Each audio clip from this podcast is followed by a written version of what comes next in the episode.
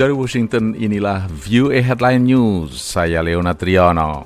Pada Jumat pagi di Amerika tercatat 85.991 kasus virus corona terkonfirmasi Tiongkok memiliki 81.828 kasus, sedangkan Italia, epicentrum wabah virus itu di Eropa memiliki 80.589 kasus. Sebut Johns Hopkins Coronavirus Resource Center, negara bagian New York menjadi epicentrum wabah di Amerika dengan kota New York sebagai pusat perbakannya. Ada lebih dari 21.000 kasus di kota terbesar di Amerika itu.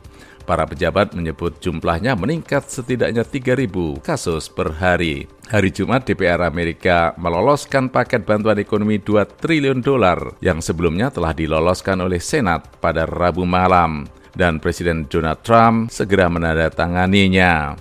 Sorotan utama dalam legislasi itu adalah pemberian dana tunai langsung kepada individu-individu yang kehilangan pekerjaan dan bisnis yang dipaksa tutup karena wabah corona. Tiongkok dan Amerika Serikat harus bersatu dalam memerangi wabah virus corona yang telah menelan banyak korban jiwa, kata Presiden Xi Jinping dalam pembicaraan teleponnya dengan Presiden Amerika Donald Trump. Pembicaraan itu dilakukan pada hari Jumat waktu Amerika sewaktu ia menyerukan agar Amerika memperbaiki hubungan dengan negara itu. Kedua negara tersebut bertikai dalam beberapa pekan terakhir terkait virus itu dan media pemerintah Tiongkok CCTV menyebutkan Xi mengatakan kepada Trump ia berharap Amerika akan mengambil langkah substantif untuk memperbaiki hubungan dengan Tiongkok. Menurut CCTV, Xi juga menyerukan agar kedua negara bekerja sama menangani virus itu dan mengatakan Beijing ingin terus berbagi semua informasi dan pengalaman dengan Amerika. Trump dan Menteri Luar Negeri Amerika Mike Pompeo membuat marah Beijing bulan ini karena berulang kali menyebut virus corona sebagai virus Tiongkok sewaktu membahas wabah COVID-19 yang pertama kali terdeteksi di kota Wuhan. Trump belakangan tidak lagi menggunakan istilah itu di tengah-tengah munculnya tudingan bahwa ia berpandangan rasis. Banyak pakar beranggapan itu merupakan isyarat kecil lain mengenai meredanya ketegangan hubungan antara kedua negara yang sangat berpengaruh di dunia itu. Headline News, VOA Washington.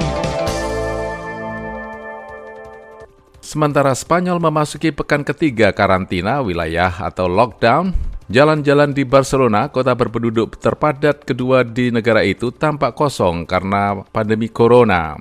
Atraksi wisata ikonik di ibu kota kawasan Catalonia itu seperti Arc de Triomphe, Sagrada Familia, rancangan arsitek Gaudi, dan La Rambla tampak lengang.